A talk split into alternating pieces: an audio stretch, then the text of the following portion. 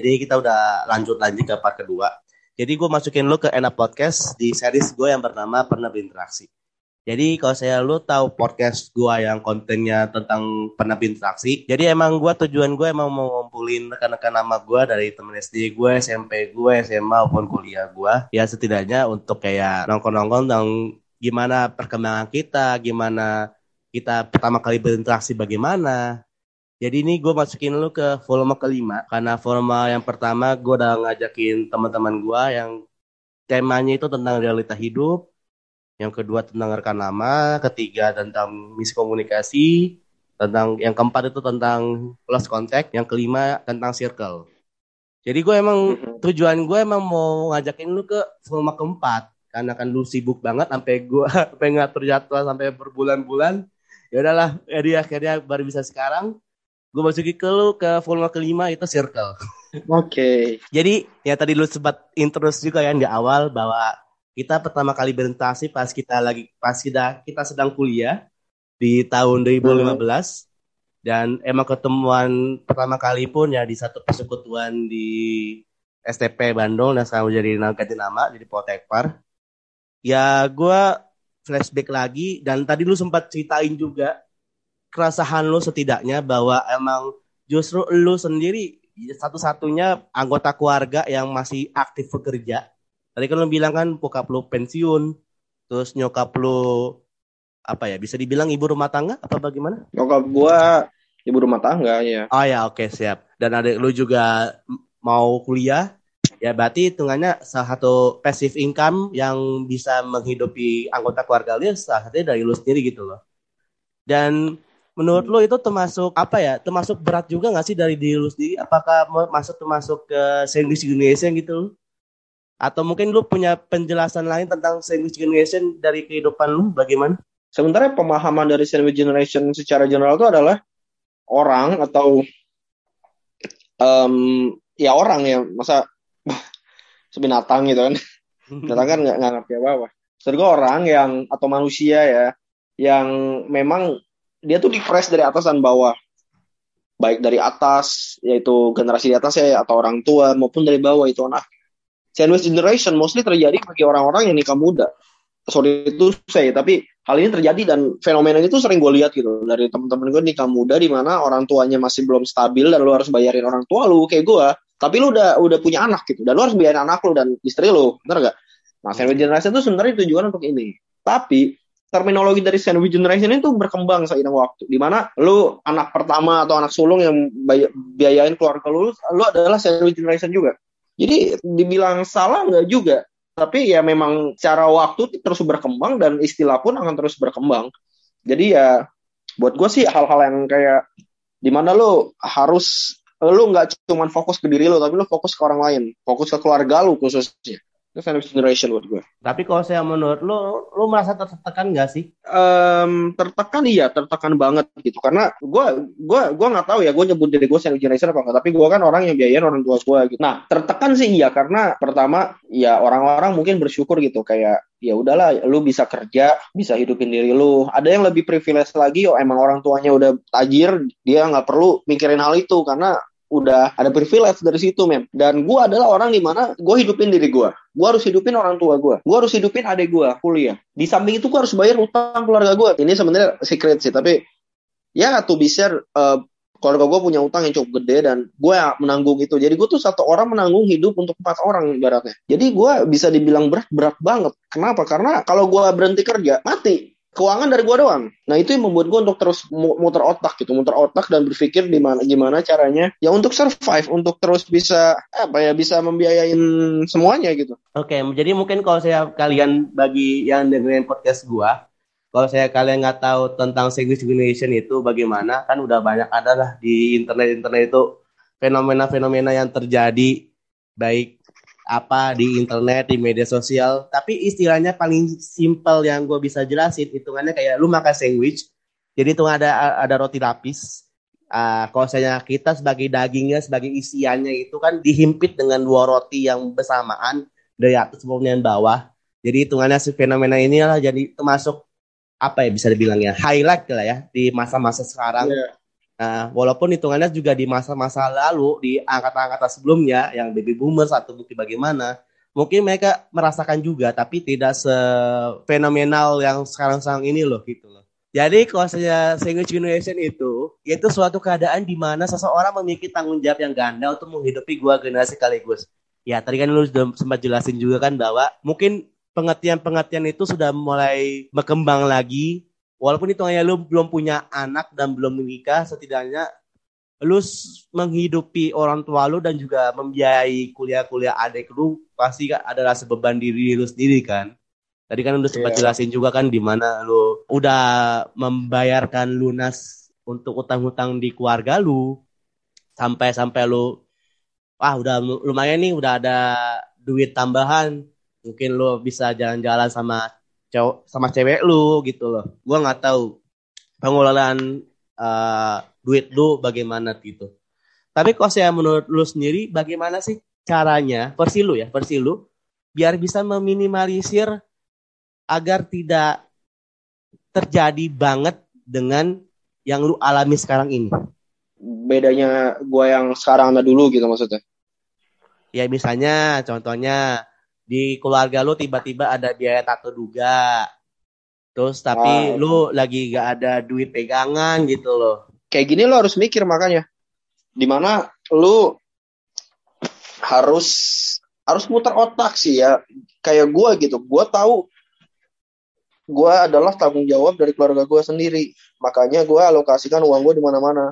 Stock market, di kripto, ada dana darurat. Itu penting ya. Ini ngomongin finansial sekarang finansial tuh penting dalam artian lo harus bisa atau pintar mengalokasikan duit itu di mana aja. Gua untuk mengantisipasi ini, gue tuh udah mikir dari dulu di mana gue harus punya tabungan, gue harus punya dana darurat, gue harus punya ini, harus punya itu. Makanya hal-hal yang kayak gini justru menjadi menjadi motivasi buat gue untuk muter otak gue. Gue jadi harus harus naruh duit gue di stock market, di crypto market, ah, gue juga punya dana darurat, gue punya banyak hal gitu. Jadi ketika ada darurat gitu, ini pernah terjadi sih beberapa hari lalu di mana emang butuh beneran dana darurat ya. Gue ada ada ada persiapan gitu. Gue ada uang segini untuk bisa gue menanggung dana darurat itu. Gitu sih. Jadi harus harus pinter dalam hal finansial. Hmm, berarti emang lu udah setidaknya misalnya nih kayak lu udah gajian bulanan, gue nggak tahu apakah lu dikasih duit per bulan itu dua kali atau sekali gue nggak tahu. Pastinya lu udah pasti udah ada dana darurat juga ya? Iya bener banget. Mungkin untuk topik pada kali ini singkat tapi kosnya lu seperti biasa uh, coba berikan kesan lu sebagai orang yang menanggung tanggung jawab ini sendirian. Ya dalam artian ya tadi udah sempat jelasin juga kan dari anggota keluarga lu ya hanya lu doang yang gitu yang diharapkan hanya lu doang gitu yang uh, masih bisa aktif bekerja.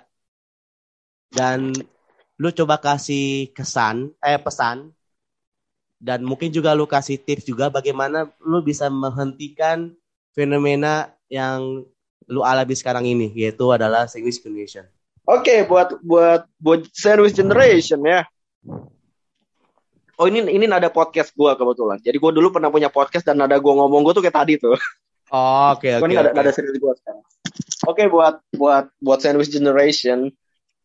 Pertama nih, wah ini keren nih. Pembahasannya bakal menuju ke finansial ya, karena gue pengen ngomongin atau motivasi lu untuk kenapa lu harus harus apa ya? Gue tahu tekanan sebagai sandwich generation, gue tahu karena gue sandwich generation juga. Jadi gue sendirian dan gue harus nanggung hidup keluarga gue gitu Gua nggak kerja, mati udah, nggak bisa makan. Nah, saran pertama adalah lu bikin financial plan. Oke, okay? lu lu lu nggak peduli gaji lu seberapa gitu. Even gaji lu cuma UMK gitu, cuma 4 juta. Lu pasti bisa. Kalau gua sih, gua mengalokasikan ya untuk hidup gua sendiri ini untuk untuk gua jajan segala macam tuh 40% dari penghasilan gua. 40% tuh buat gua. Jadi kalau gua udah tahu gua gua ada sih gua ada Excel ya udah ada Microsoft Excel gua untuk nge-manage uh, finansial personal finansial gua. Gue 40% gue jadi kalau udah melebihi 40% gue akan stop untuk boros. Nah sisanya lu alokasikan ke mungkin ke stock market mungkin ke yang gampang reksadana atau emang lu punya tabungan aja atau lu emang mau taruh dana darurat atau lu mau taruh di um, apa sih yang ada di bank? Pokoknya yang ada bunganya di bank terus bisa tambah deposito. Ya sorry deposito. Gue nggak main deposito jadi gue lupa. Terus alokasikan duit tuh di situ-situ men. Mungkin ada 10% lu, lu cicil atau lu tabung untuk bangun bisnis juga. Kecil-kecil aja gitu. Lu jangan jualan kerupuk aja satu kerupuk lima ribu aja tuh udah udah bisnis. Udah udah ada penghasilan gitu. Dengan untung seribu aja seribu perak satu item lu jual nih. Itu tuh udah pemasukan jadi lu harus harus mikir muter otak ke sana. Jadi ketika ada suatu darurat, lu tahu uangnya tuh ada di mana. Sebagai channel generation tuh kita tuh dituntut untuk bisa pinter dalam hal duit gitu. Dulu bokap gue sering marahin gue kalau gue hilang duit gitu. Kayak lu mah nggak open sama duit. Dan sekarang gue belajar justru kita tuh harus open sama duit. Kita tuh harus open. Gue nggak tahu ya istilah bokap bu open tuh maksudnya apa? Pakai itu bahasa Inggris open atau terbuka dengan uang atau melek finansial atau apa? Tapi lo harus melek finansial. Intinya sebagai senior generation lo tuh harus melek finansial. Jangan boros. Boros sementara treat yourself is oke. Okay, kayak gue, gue bisa traveling. Gue bersyukur gitu. Gue bisa traveling ke Europe. Tapi di satu sisi gue bisa bangun bisnis gue. Satu sisi juga keuangan gue bisa gue save di stock market dan di beberapa hal gitu tapi gue tetap bisa biayain keluarga gue biaya sekolah adik gue tapi gue juga hidup nggak kekurangan. Jadi alokasikan uang lo itu penting banget. Jangan cuma tok dengan satu penghasilan aja. Lo cari side hustle. Sekarang dunia digital men. Di mana mana tuh banyak hal. Semuanya mata pencarian di dunia ini. Cari side hustle. Mungkin lo punya skill apa skill desain lu cari di luar kerjaan lu, lu belajar mungkin skill desain, lu dapat penghasilan dari side job lu sebagai desainer. Intinya pinter lah finansial lu harus harus terbagi dengan baik dan bersyukur jangan lupa. Karena pada akhirnya kita siapa sih tanpa yang di atas gitu? Bersyukur pokoknya. Bersyukur kalau lu masih ada keluarga untuk lu biayain lu bersyukur lu masih ada orang tercinta bisa lu biayain gitu. Dan doa mereka juga akan nyemangatin lu kok. Gitu sih paling penting itu finansial bersyukur dan finansial planning itu penting banget. Hmm. Oke siap. Gue kira lebih panjang lagi yang gue kira. Oke. Jadi kalau saya kalian berharap atau mungkin kalian termasuk dalam circle si Ega dan kalian sering lihat Instagram Instagramnya, ya setidaknya dia untuk bisa menjawab apa tuh hitungannya udah bisa mensperkan tanda kutip bajan di Instagram udah pastilah jangan kayak wah ini si Ega semenjak di Dubai makin ria-ria aja gue lihat gitu loh. gue nggak tahu ya apakah apakah mungkin dia dianggapan orang-orang gitu bagaimana gue nggak tahu ya. Apakah lu dapat DM DM gitu gitu? Enggak sih, cuman ada gue tahu ada omongan kayak ini orang boros banget, nih orang boros banget, nih orang boros banget. Wah, mereka nggak tahu gitu. Oke, gue kelihatannya kayak gue ke Eropa, gue spend ini makan enak. Well, mereka nggak tahu kalau ada tanggung jawab yang gue pikul juga. Dan kenapa gue B aja ya karena gue mampu. Karena gue mampu untuk menanggung tanggung jawab itu dan gue mampu untuk menghidupi diri gue gue nggak yang ya udahlah um, bodoh amat dengan keluarga gue mau hidup enak. Gue enggak keluarga gue yang, yang penting bisa makan dulu. Sisanya ada sedikit baru buat gue dan ya gue bersyukur gue masih bisa menghidupi diri gue juga gitu. Uh, di sini termasuk klarifikasi juga ya. Enggak ya hidup penuh klarifikasi Ya kan Wah, gitu. artis kan sekarang kerjaannya kan kalau nggak bikin sensasi sama bikin klarifikasi. Aduh. Nama penutup yang begitu. Oke, okay, thank you Ega. Waduh, akhirnya bisa berinteraksi lagi ke, sama lu setelah sekian lama. Parah sih lama banget, men. Dua tahun, men. Bikin podcast jedanya dua tahun. Lu Udah kayak pandemi. Emang level-level pandemi berarti ini ya. Oke, dari yang awal lu masih aktif jadi podcaster dan sekarang udah mati, udah jadi nggak tahu lagi gue ngapain tuh. Oke, gue nggak tahu perkembangan lu dan thank you udah meluangkan waktu lu di hari Minggu yang di mana di agama nice, kita itu beristirahat, sedangkan ini gue bekerja. ya, gue juga baru balik tadi. Oke, berikut mau kan episode pada kali ini. Sampai jumpa di episode berikutnya. Dadah, sampai jumpa. Sampai jumpa.